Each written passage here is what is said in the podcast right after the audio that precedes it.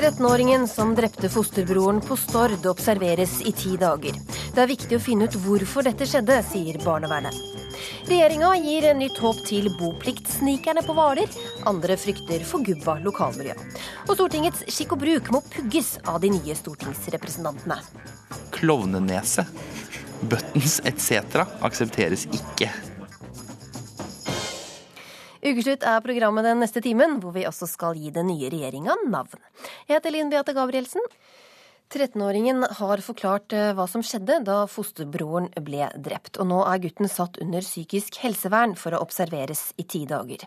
Reporter Marte Rommetveit spurte barnevernsleder i Stord, Trine Gjertholm, hva som vil skje med 13-åringen etter utredninga.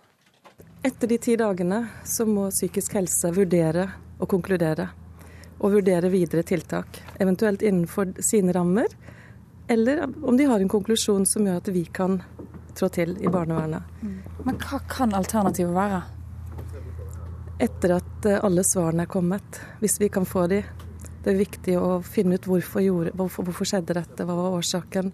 Hva, ligger det noe her som ikke vi er klar over, som vi må finne ut av så blir det viktig å, å, vurdere hva slags tiltak som skal være videre. Det er ikke sikkert vi har, har akkurat det tiltaket som passer for dette barnet. Mm. Men det, det, blir opp til oss i, i, barnevernet å finne ut av. Ja, for denne saken er jo temmelig unik. Ja, den er veldig spesiell. Veldig spesiell, og vi har ingenting å sammenligne med. Mm. Vi har aldri hatt denne type saker før. og og nå er det viktig å ha, ha bra fokus for, for, barnet, hvordan vi skal følge det opp videre. Men er en bekymra for at han kanskje ikke har et tilbud til gutten når han er ferdig med disse ti dagene?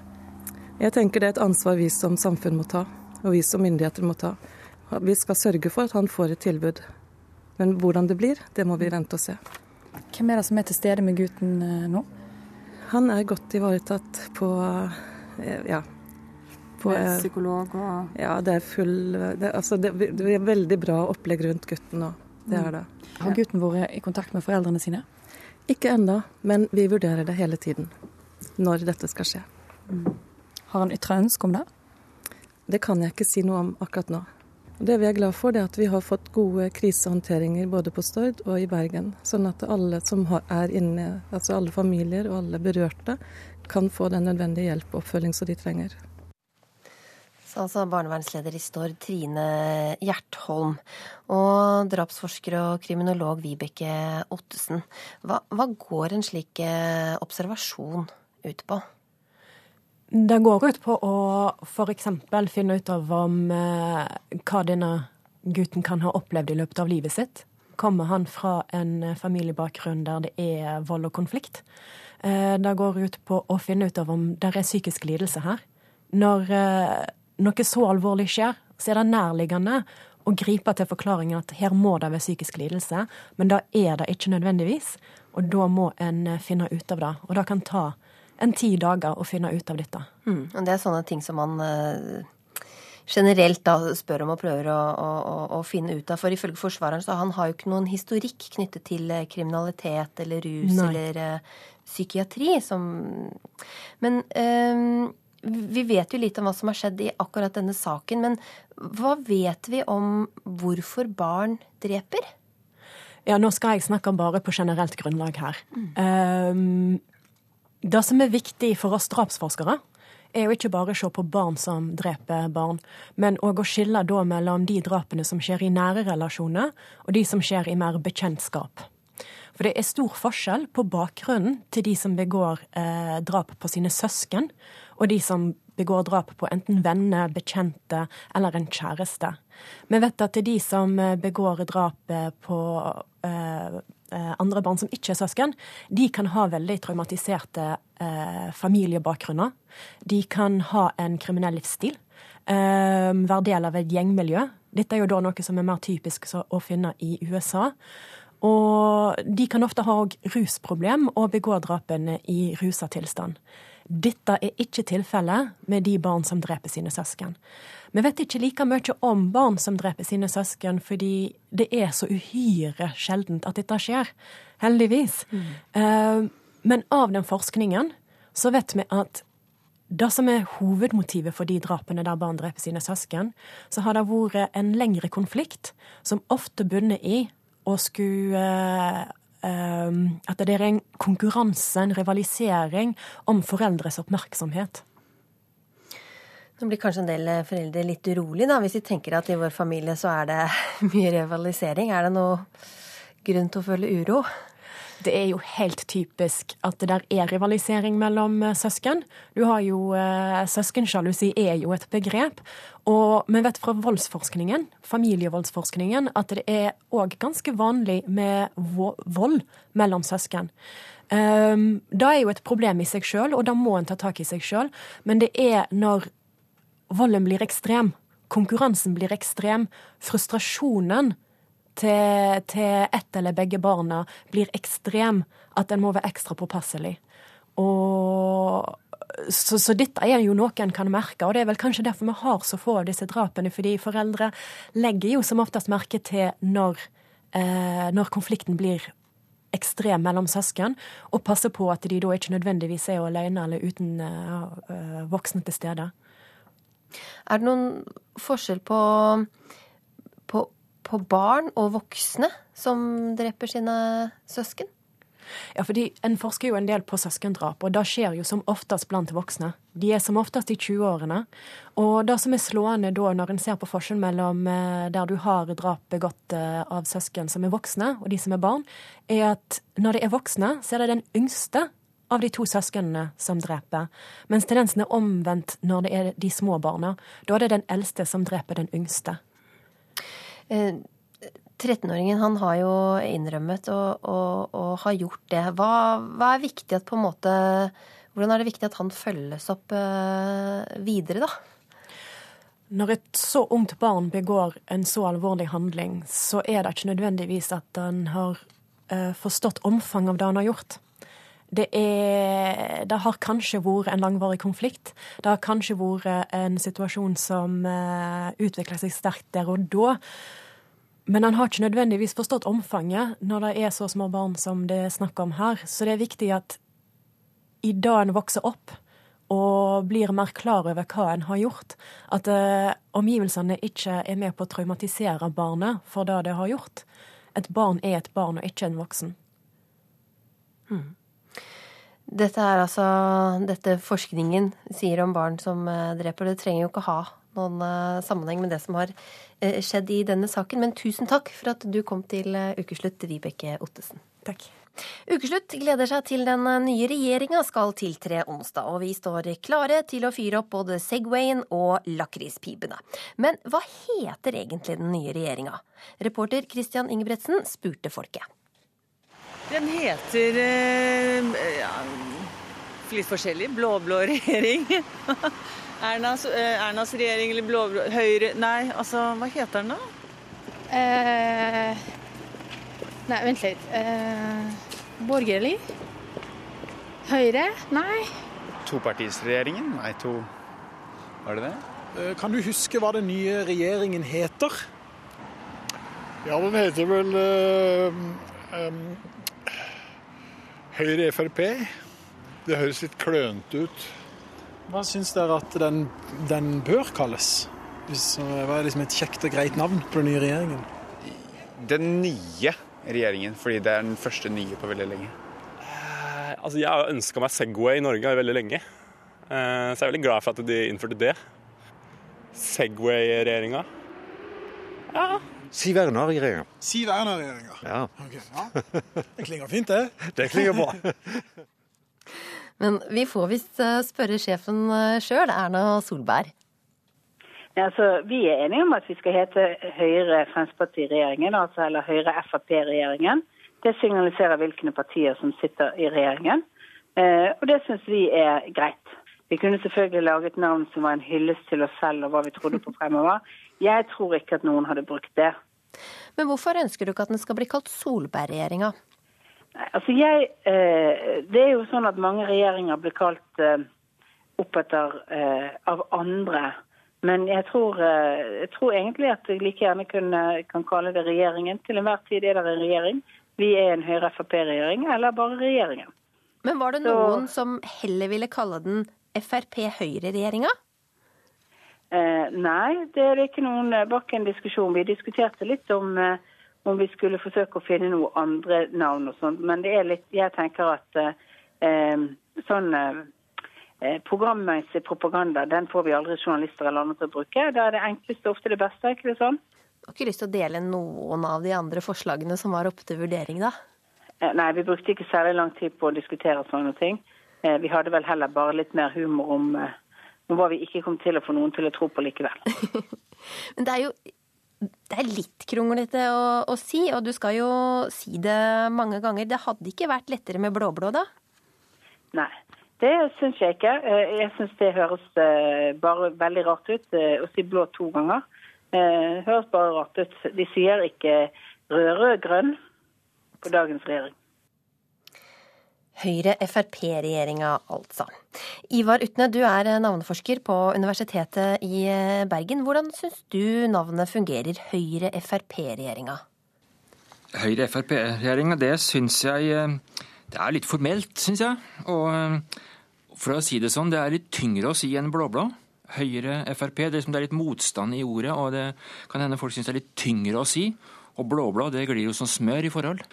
Du kan si Det er litt rart å gjenta blå-blå to ganger, men eh, det har en annen fordel. Det forsterker jo inntrykket at det er veldig blått. da. Akkurat som finfint er det veldig fint. ikke sant? Blå-blå er det veldig blått. Og det gir jo mening for folk. Og så er det det fine med det at eh, det er jo kort og greit å si. Niklas eh, Baarli, P3-programleder, og du fulgte valgkampen tett med programmet Valgnachspiel. Mm. Hva syns du om dette navnet Høyre-Frp-regjeringa? Det syns jeg er litt, jeg synes det er litt kjedelig, rett og slett.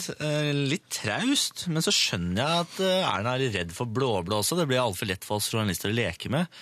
Bladbladregjeringen, altså avisoverskriftene kommer til å kose seg som bare det. Jeg heier jo på f.eks. blåveisregjeringen. Nå som de har legalisert boksing, det er veldig talende for det. Eller f.eks. Morna-Jens-regjeringen. Det også er fint. Trine Eilertsen, det var eh, knapt en dag i valgkampen vi ikke så deg kommentere her i NRK. Hvor eh, mye politikk ligger det i at eh, begge partienes navn er med? Altså, det ligger i hvert fall det i det at det største partiet ønsker å signalisere tydeligere enn en vanlig at uh, det lille partiet er med. Så det er en eller annen, en eller annen type raushet i det. Men uh, det som er litt uh, vittig med det navnet, det er at jeg tror det blir kun de som sitter i regjeringen sjøl som kommer til å bruke det. Ingen andre kommer til å bruke det. og det Hvis du ser hvordan regjeringa blir omtalt historisk, så er denne regjeringen dømt til å hete Erna Solbergs regjering. Blir det en til Erna-regjering, så blir det Erna Solbergs første regjering. Men hvorfor, hvorfor tror du ikke vi vil kalle det Høyre-Frp-regjeringa? Det blir tungt å si. Rett og slett. Det blir for tungvint. Altså, den forrige regjeringen heter jo egentlig Stoltenberg II. Uh, heter på folkemunne den rød-grønne regjeringen, men også de som sitter i regjeringen, kaller han for den rød-grønne regjeringen. Så da er det på en måte blitt kallenavnet til, uh, til uh, regjeringen. Og nå, alle regjeringer har jo et eller annet som kallenavn. Vi husker Bondevik sin andre regjering. Den er et samarbeidsregjeringen. Og det er jo da oppbrukt. For vi kan jo tenke oss at med Erna Solbergs holdning til dette prosjektet, så var det navnet hun burde hatt. Men det er også oppbrukt. Utne, hun, hun ville jo ikke kalle opp regjeringa etter seg selv, slik som Trine sier at vi andre jo kommer til å gjøre. Hva sier det om, om, om henne at hun ikke vil kalle det Solberg-regjeringa? For det første så altså vil hun vil ha fokus på politikken, ikke sant? På, det polit, tydeligere på det politiske innholdet. Og de andre forslagene enn Solberg gjør jo det klarere. Og så er det kanskje det at hun Jeg vet ikke om hun er litt beskjeden, ja. Men, men ja, det, det, er jo ikke noe annet enn det at hun antagelig vil ha tydeligere fokus på politikk. Mm. Niklas, har du noen tanker om hvorfor hun ikke vil kalle det Solberg-regjeringa? Hun sparer navnet til, til det har gått fire år og hun får lov til å regjere alene. Hun har ikke lyst til å dele Solberg-regjeringen med Siv Jensen. Siv Jensen er jo altfor stor for å, å, dele regjering med Solberg. Hun er ikke happy med det. vet du. Det er derfor hun har lyst til å kalle det noe helt annet. Hva tenker du, Trine Eilertsen? Ja, det, Vi får høre hva Erna Solberg sier sjøl, men hun er nok også en type som, som kanskje ikke er helt komfortabel med å, å oppkalle en regjering etter seg selv. Um, selv om det er det den regjeringen nok kommer til å bli hetende når historien begynner å løpe fra omtrent neste onsdag. Jeg mener jo at Erna Solberg, som er fra Bergen og, og vet hvordan vi snakker der, burde jo kalt regjeringen sin for Erna og de. Hvilke saker, da, eh, Niklas for eksempel, hvilke saker ville vært et eh, godt utgangspunkt å bruke på regjeringa? Hva har de liksom signalisert så langt? Ja, Man må jo bruke de morsomme sakene, de sakene folk bryr seg om. Eh, Pokerregjeringa ligger jo der helt klart up for grabs. Eh, Segway-regjeringa er jo allerede masse brukt, så den kan jo bare fortsette på. Jeg syns, eh, det er litt kjedelig, rett og slett. Ta, ta noen morsomme saker. F.eks. For eksempel Gønnerregjeringa. Nå har de jo tillatt våpen i politiet, ikke sant. Så da kan du være litt ung og fresh. Og litt annerledes enn hva Høyre vanligvis er. Hvis de skulle tenke kjedeligere enn det Niklas gjør, da, så kunne de jo kanskje ha tenkt sånn Fornyingsregjeringen eller noe sånn.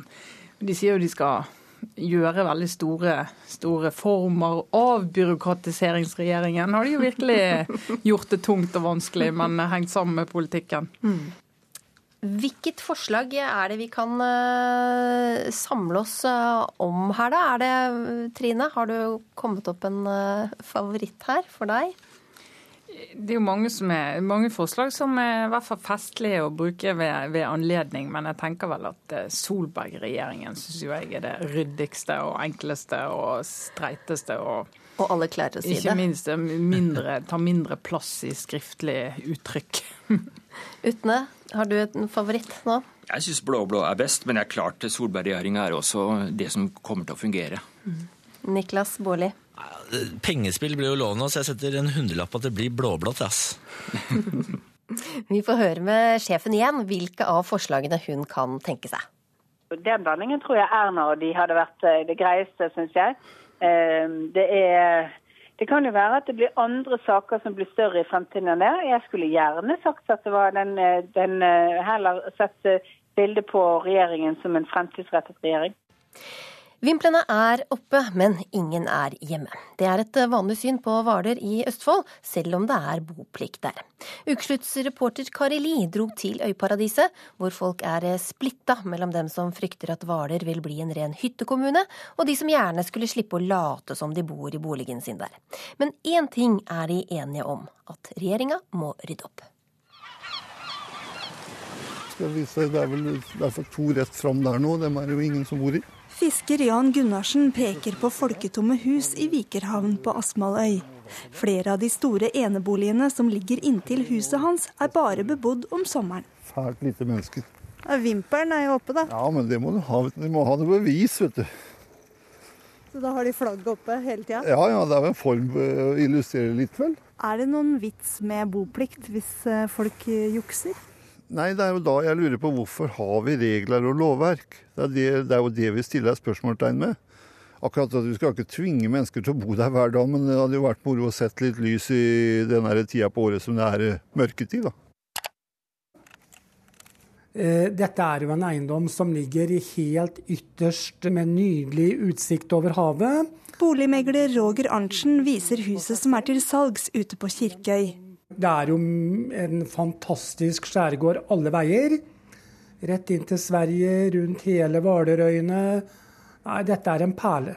Perlen lå ute på Finn i 159 dager uten at noen kjøper meldte seg. Og det skyldes at det har vært en boplikt knyttet til nettopp den eiendommen.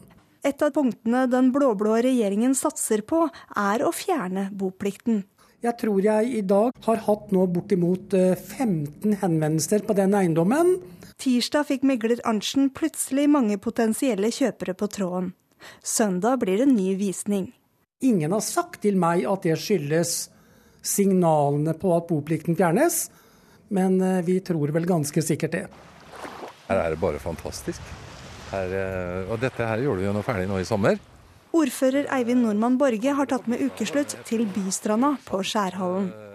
Foran oss ligger sjøen, bak oss ligger ei klynge eldre, velholdte trehus. ser, her ligger det helårsboliger eh, rundt her. Men med en slik beliggenhet så vet vi at det er mange som er villige til å betale det doble av hva markedet er villig til å betale for en helårsbolig. De er villige til å betale det doble eh, hvis de får det som en fritidsbolig. Hvor mye går de husa her for da, hvis det er fritt og ikke noe boplikt? Hvis vi ser det huset som vi, vi har ved siden av oss her, så, så snakker vi noe om en eh, Ja, det er vanskelig for meg å anslå, men hvis vi snakker om en rundt seks millioner kroner Men veit du om det bor folk i disse husa? Her bor det folk. Det er du sikker på? Det er jeg helt sikker på. Det vet jeg med 100% sikkerhet. Har du sjekka? Ja, vi har sjekka det. Ordføreren fra Frp og Hvaler kommune har den siste tida jakta på de som jukser og bruker boliger som hytte. Av 45 saker endte fem med pålegg om salg i sommer, men ingen boliger er blitt tvangssolgt ennå. Ja, Hvis de kjøper en bolig eh, som de vet er boplikt på, og ønsker å bruke den som fritidsbolig, og det får noen følger, så, så har de jo gjort det med viten og vilje. Du syns ikke synd på det? Nei, jeg, jeg gjør jo ikke det. Eh, vi har et regelverk, og, og det skal vi forholde oss til. Eh, lov og orden, det, sånn skal det være. Det er flere jeg snakker med her på Hvaler som forteller at denne boplikten dere har, den blir omgått allerede. At folk eh, lurer seg unna. At, at hus eh, står tomme. Hva er poenget med boplikt da?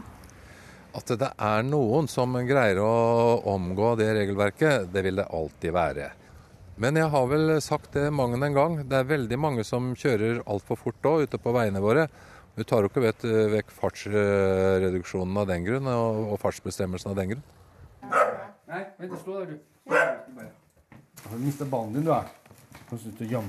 Hedmarkingen Bjørn Inge Melby ligger på alle fire for å hente bikkja Sikos ball under sofaen.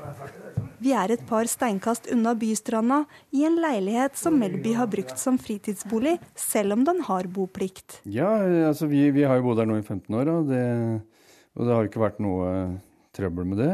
Men eh, det er liksom nå i det siste halvåret som det har begynt å bli litt vanskeligheter. Du visste at det var boplikt da du kjøpte, ikke sant? Helt riktig. Ja, ja. Men allikevel. Det, det er ikke bare meg som bor her eh, som har det sånn. Hvor mange kjenner du som eh, omgår boplikten på Hvaler? Nei, Det vet jeg ikke, men jeg, jeg er helt sikker at jeg kan fort plukke ut eh, i hvert fall åtte-ti stykker.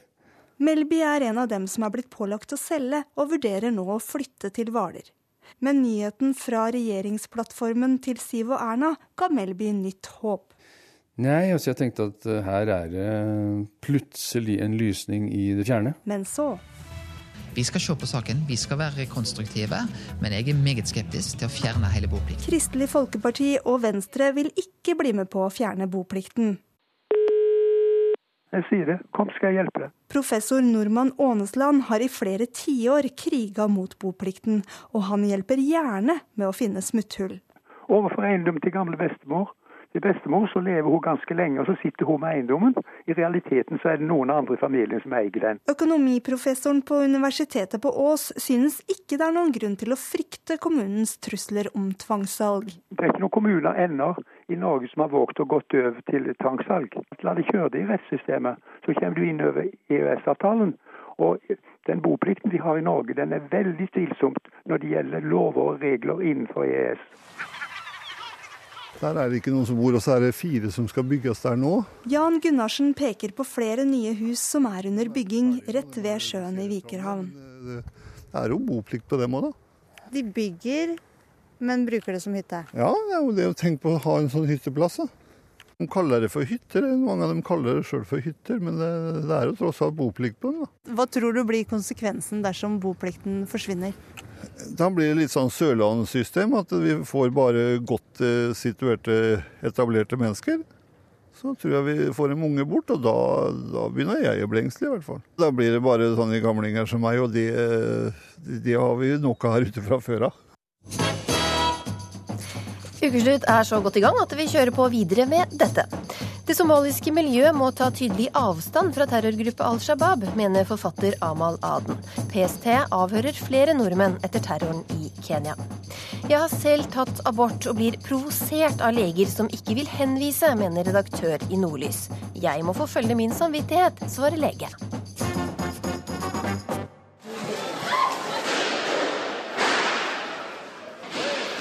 Minst 67 personer ble drept under terrorangrepet ved et kjøpesenter i Kenya i september. En eh, nordmann mistenkes nå for å ha vært med på terrorangrepet. Og ifølge Krimos, Kripos samles det fortsatt inn eh, penger i Norge til eh, Al Shabaab, som sto bak angrepet. Mellom 20 og 30 nordmenn har også reist til Somalia for å slutte seg til terrorgruppen, ifølge forsker Stig Jarle Hansen. Forfatter Amal Aden, hvordan er holdningene til Al Shabaab i det norsk-somaliske miljøet? Det er sånn, Stort sett somaliere tar avstand fra Al Shabaab. Men så finnes det jo selvfølgelig de som ikke vil være tidligere nok å ta avstand, eller de som kan støtte dem. Det er ingen som går offentlig rom og sier at det stort sett at jeg støtter Al Shabaab nå. Men det er jo alltid det at folk som jeg mener at de støtter dem det ene eller det andre måte, om man samler penger, eller om man sier at de fører en krig som er rettferdig. Så jeg tenker jo sånn at det somaliske samfunnet som er i Norge, trenger å ta veldig tidlig avstand fra det. Mm. Hvorfor er det viktig? Er veldig viktig, for hvis man legger merke til det, så er det det Al-Shabaab rekrutterer, er det unge mennesker. Særlig de mest sårbare. Og så tenker jeg at det er veldig viktig at unge vet hva de går til. Og at ungdom ikke blir utnyttet, for dette er en terrororganisasjon. Dette er en organisasjon som er villig til å drepe, og det har vi gjort de siste. Da tenker jeg det er veldig viktig at vi folk som aldri, om man er offentlig person eller om man, om man er en imam, at man bør ta tidlig avstand fra det. At dette her er en terrororganisasjon som man bør være forsiktig med. Barshe Musse fra det somaliske nettverket. Hva sier du til dette her, med behovet for å, å, å ha en holdningsendring i miljøet? Eller ty, ta tydelig Ha en tydelig hold... Ja. Tydelig avstand. Ja. Jeg syns det er veldig viktig, fordi at både Amal og jeg jeg tror vi, te, vi tenker jo likt. Og det vi ønsker, var det unge norske somaliere ikke Det er ikke ønskelig at de blir rekrutterte da til Al Shabaab og lignende organisasjoner som er definert og er terrororganisasjoner. Men det er veldig viktig å huske da fra 2006 det norske somaliske miljøet har jo tatt tid. Vi, vi visste jo egentlig i forbindelse med den krigen i Somalia, så man visste jo veldig lite om Al Shabaab. Vi hadde eh, islamiske domstolene som man trodde da de var en veldig rettferdig, og det var flott system. Men det var vel sammensatte, og Al Shabaab var en del av. I 2008 så har vi kjent til hva Al Shabaab er, og de fleste somaliere tar avstand, og har tatt avstand. Ikke bare avstand, men gjør, vi gjør også handling. Vi diskuterer. Vi vet på en måte da at vi støtter den nye somaliske regjeringen i Somalia. Og det er jo flere allerede som har kommet ut og utbrøt av Al Shabaab, og som er i Mogadishu, og som også er rehabilitert. Så det skjer veldig mye fra det somaliske hold, både diaspora-somaliere i Norge og i Skandinavia, og i Somalia. Men overrasker det deg at, at det er en norsk somalier som, som PST etterforsker for å ha vært involvert i terroren i Kenya? Ja, ikke bare den enkelte personen, fordi enkelte personer kan jo gjøre ting, og det er jo veldig vanskelig å vite da hva enkelte personer gjør det. Men det overrasker meg nok faktisk at man mistenker det somaliske miljøet, som de støtter Al Shabaab, og som de på en måte rekrutterer Al Shabaab. Eh, hvis det er flere som har blitt drept og rammet av Al Shabaab, så er det somaliere i Somalia. Så det er ikke en organisasjon som har ønsket. Men jeg vet at det må jo bli flere kampanjer til, holdningsendringer til. Vi må diskutere, vi må være tydelige, og vi gir tydelig kommunikasjon for våre ungdommer. Og husk vel, det er ikke bare somaliere, men somaliere er en del av det norske samfunnet. Og det er jo det norske samfunnet og det muslimske samfunnet og det muslimske diaspora vi har også noen utfordringer. Der handler det om liksom dette med det er man skal reise til Syria eller andre steder. Så våre ungdommer, til og med etniske norske, vi har noen utfordringer der. Amal Aden, er du overrasket over at det er en norsk somalier som er i søkelyset her? Nei, jeg er jo ikke overraska i hele tatt. Og det her er, selv om det er en somalier, så betyr ikke at det representerer alle somaliere. Og som jeg sa tidligere, så er det jo de fleste somaliere tar avstand fra det her. Men så finnes jo alltid noe som støtter det av et eller annet grunn. Og jeg tenker jo sånn at jeg har jo møtt selv mange unge mennesker i dette landet som ikke har det bra. Og jeg tenker De er jo lett å rekruttere om det er rus og kriminalitet, eller om terrornettverket. Så jeg er jo ikke overraska, for jeg ser også samtidig at den holdningen Når jeg diskuterer med andre somaliere, så ser jeg at det er ikke alle som tar avstand fra Al Shabaab. Noen rettferdiggjør det. For, så, for bare et par dager siden så var det noen jeg diskuterte med som sa det at men det er somaliske kvinner som blir voldtatt i Kenya. Så det Al Shabaab gjorde i Kenya, er rettferdig. Og det er, det er, den type holdning som skremmer meg veldig. Og det er det jeg mener at vi somaliere må ta en oppgjør med hverandre her. Vi er nødt til å være litt mer tidligere. For dette her er våre ungdommer som blir rekruttert til en terrorgruppe, så vi må være tidligere nok, mener jeg. Hva tenker du om det, Musa? At det Eh, finnes sånne holdninger også i Norge? Ja, den sånne holdninger finnes jo da alle ekstre, det, det finnes jo sånne ekstremistiske organisasjoner, og den holdningen liksom, det skremmer meg. Men det som er veldig viktig, det er jo da Jeg tror ikke liksom at man skal fokusere Somalia som en enkelte gruppe, men vi må se Somalia som en del av det norske samfunnet.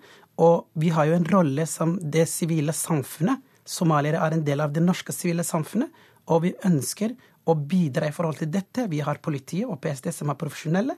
De gjør jobben. Den kan vi ikke blande oss med. Men vi vet at vi har opprettet kontakt med politiet og PST. De har kontaktpersoner i moskeene. Så den holdningsendringen og kommunikasjonen, kommunikasjonen skjer. Men de må huske det at holdningsendring ofte skjer meget langsomt. Men hva kan dere gjøre når det tross alt er i det miljøet da, at, eh, at disse holdningene finnes? Det er jo egentlig Holdningsendring er jo veldig vanskelig med mennesker, men det vi kan gjøre da, vi kan diskutere det. Vi kan gi dem trygghet. Og veldig ofte liksom, hvis du sier liksom at du Det er jo greit å si det. liksom, man kan jo, Vi vet jo at noen sympatiserer Al Shabaab, og det er ikke kriminelt å sympatisere en naziorganisasjon eller Al Shabaab, men det som er kriminelt, er å gjøre en kriminell handling. Så vi trenger mer dialog, kommunikasjon, informasjon, og vi trenger liksom å bevisstgjøre disse ungdommene. Og det gjør vi, det vi kan. Amal Aden, du hadde en venn som ble drept da han dro for å kjempe for eh, Al Shabaab. Hva tror du er grunnen til at eh, noen norsk-somaliere lar seg verve? Eh, Jeg tror dette her er ungdom som har blitt i hjernefaska. Fordi jeg kjente han veldig godt, og han var veldig godt integrert og velfungerende ung gutt. Men jeg tror her er det disse som rekrutterer disse ungdommene, er utrolig flinke å prate for seg. Og de hjernevasker og bruker religion som unnskyldning, holdt jeg på å si. Så man føler seg at man har en eh, rett til å kjempe og dør for liksom jihad og krig. Så han dro jo fra Norge for å kjempe i Somalia og bli drept i Somalia. Og det her er Jeg tar det veldig personlig, den type ting. For jeg mener nå også at eh, når det er en som har reist, og en som mistankes nå, så tenker jeg at somaliere bør ta en oppgjør også. Hvordan, kan man, hvordan kan man eh, unngå da, at noen lar seg hjernevaske? Jo, det, det vi gjør er at jeg mener fortsatt at somaliere er ikke tidlig nok at, å ta avstand fra Al Shabaab. Jeg mener både sånn meg og Pasha Mose og andre bør være tidlig nok å komme fram og si det hva de mener om Al Shabaab. Og jeg mener at det her er det unge mennesker som ikke har peiling på hvem Al Shabaab representerer, som ser dem bare som religiøse menn. Al Shabaab er ikke noe religiøse. De er ondskapsfulle mennesker som har vilje til å drepe hvem som helst. Og det er her vi må være veldig tydelige. Tusen takk for at eh, dere kom hit til Ukeslutt, Amal Aden og Barse Mosse. Den nye regjeringa ble enige med KrF om at fastleger skal kunne reservere seg mot å henvise til abort. I dag så er det bare sykehusleger som kan reservere seg mot å utføre en abort. Marit Rein, du er redaktør i Nordlys og har skrevet en kommentar om reservasjonsretten, hvor du også ærlig innrømmer at du har tatt abort. Hvorfor var det viktig for deg å fortelle? Jo, fordi at jeg syns uh, denne debatten er kjempevanskelig. Uh, og at jeg syns det er uh, ganske tøft i 2013 å få den saken om kommuneleger eller fastlegers reservasjonsrett som en sak all den tid at vi har den lovgivninga vi har, og at vi har levd med en abortlov i, i 40 år snart. og så slo det meg at jeg har faktisk sjøl tatt abort. Og det var selvfølgelig tungt og, langt skritt egentlig å skrive det og si det offentlig. Og det setter meg også på en refleksjon at det her er et enormt tabu. Det er første gangen at jeg sier høyt for omgivelsene ja, jeg har tatt abort. Samtidig så vet jeg at det er ufattelig mange andre kvinner som er i samme situasjon, men vi snakker ikke noe om det. Det er et tabu. Og ei sorg og en samvittighet som vi også bærer i oss. Og da blir det barskt, syns jeg, å, å, høre at legen, som kanskje da skal være vår fremste støttespiller i en sånn sårbar livssituasjon som kvinner er i, hvis de blir gravid og vurderer å ta abort, at legen skal kunne reservere seg pga. samvittighet. Gunhild Felde, du er fastlege i Bergen, og du vil reservere deg mot å henvise pasienter til abort.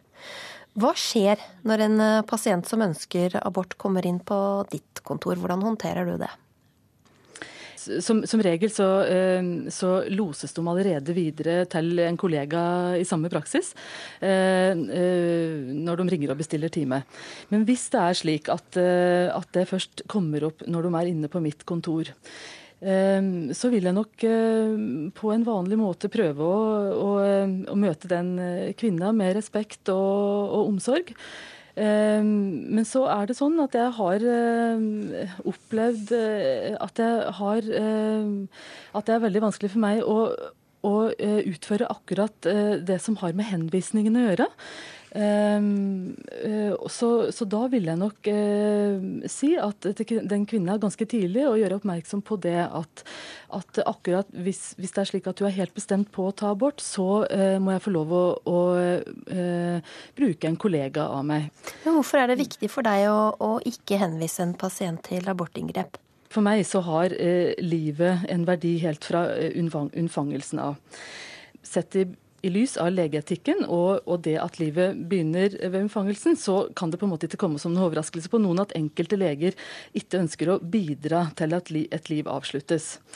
At andre kan se det på, måte, nei, på en annen måte, det, det, har jeg eh, forståelse for og respekt for. Og, men eh, jeg tenker at det må være rom for at i sånne dype eh, etiske dilemmaer, som dette her jo er, eh, så tenker jeg at det må være rom for at, eh, at en kan bli fritatt for å henvise. Hva tenker du om det, Marit Rein? Bør det være rom for å bli fritatt? Nei, jeg syns ikke det. fordi at hvor står etikken i forhold til det, og det eventuelle samvittighetsspørsmålet i forhold til at man sjøl kan ikke henvise, men man vet jo at, at, andre leger vil både henvise og utføre abortinngrepet. Det ufødte livet dør faktisk uavhengig av, av den, legens, den, første legen da sin Eh, sin samvittighet eller etiske eh, linjer. Hva tenker du om det, Felle? Det, du hindrer jo ikke noen abort. Mm. Eh, jeg tenker da at um, når jeg henviser, så, så, er jo det en medisinsk beslutning noe jeg skal stå inne for, på en måte. Og i denne situasjonen så opplever jeg da veldig sterkt at jeg har uh, to pasienter der kvinna er den svakeste parten av uh, meg, legen og, og, og henne, men, men, det er en tredjepart her som er den aller svakeste, sånn som jeg ser det. Det svakeste livet, så, der det er snakk om liv eller død. Og da eh, må jeg stå inne for den henvisningen. For meg så er det fortsatt et spørsmål om hvor, hvordan skal vi lage kriterier for samvittighet. og Legen får veldig stor plass her. Legen har den største plassen, som, som forteller at pga. sin legeetikk eh, Gravide kvinner har også en etikk de forvalter. Gravide kvinner eh, har også noen store livsdilemmaer som jeg skjønner etter at jeg skrev den kommentaren, så har jeg fått masse masse henvendelser tilbake fra kvinner som forteller at bare det å, å si ordet høyt tar ei bør ifra deres skuldre.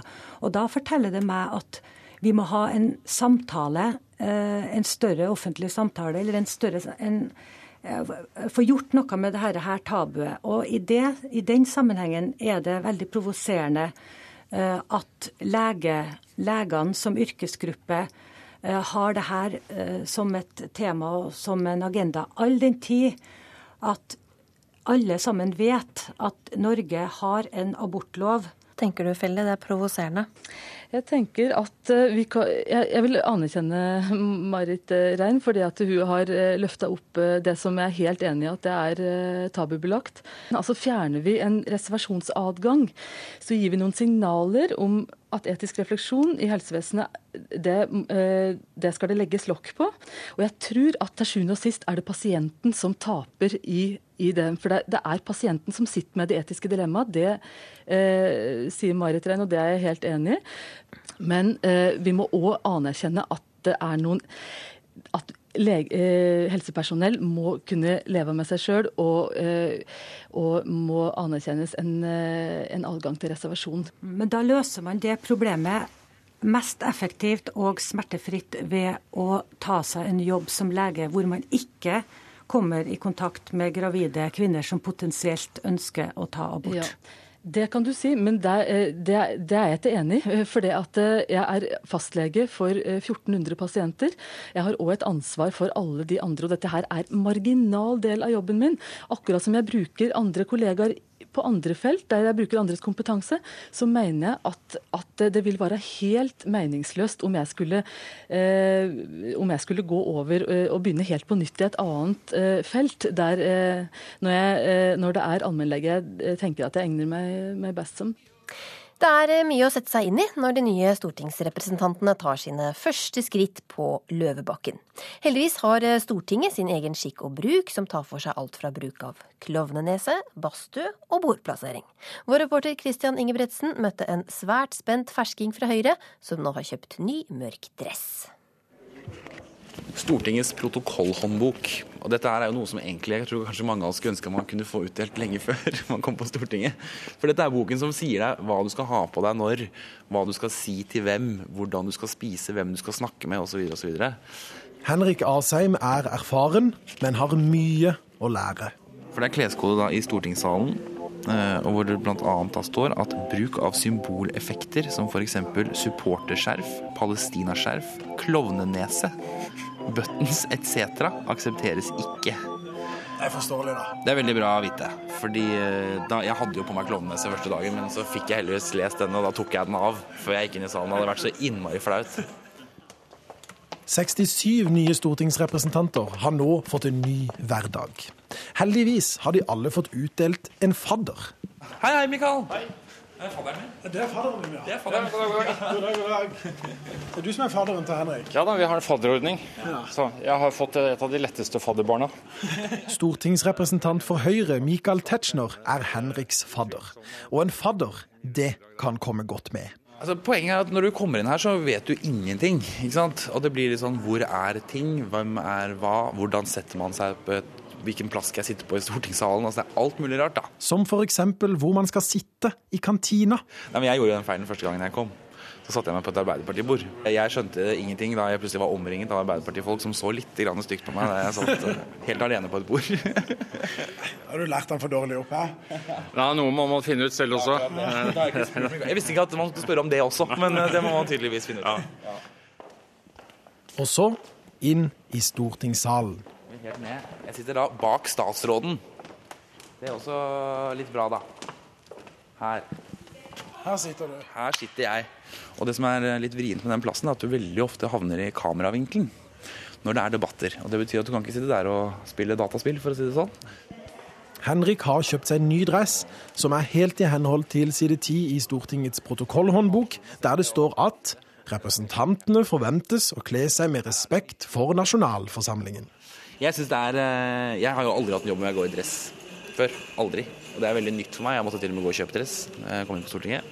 Men når man først er inne på Stortinget, så føler man litt at man ikke Altså, det ville vært litt rart å gå rundt her i Converse-sko også, på en måte. Men hva tenker du på? Idet vi beveger oss ut i vandrehallen, går nok en høyre mann forbi, nemlig Torbjørn Røe Isaksen.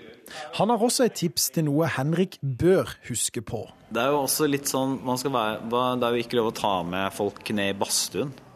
det er badstue her, ja. Ja, det er en liten badstue. Det høres veldig mye mer ekstravagant ut enn det er. Hvis du først har sittet på Stortinget, så har du tilgang til Stortinget resten av livet. Uh, og det var vel et par tidligere representanter som tok med seg litt uh, lugubre folk da ned i badstuen. Etter en lang innføring i skikk og bruk på Stortinget blir man sulten. Og da er veien kort til stortingskantina. Men det gikk ikke helt som planlagt. Hør etter Erna Solbergs stemme her. Nå går vi inn i stortingsrestauranten. Dette er eh, det er her det skjer. Hva sier du? Nei, Sitter Erna der? Ja. Hele, hele Høyre. Hei.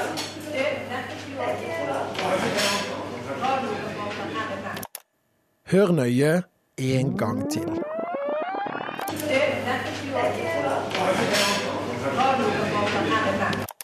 Landets mektigste kvinne irettesetter to ferske folk på Stortinget.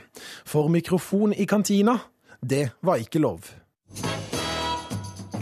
Dette var det, som vi sier. Ansvarlig for sendinga Ida Tune Øritsland. Teknisk ansvarlig Erik Sandbråten. Og her i studio førte du Linn Beate Gabrielsen.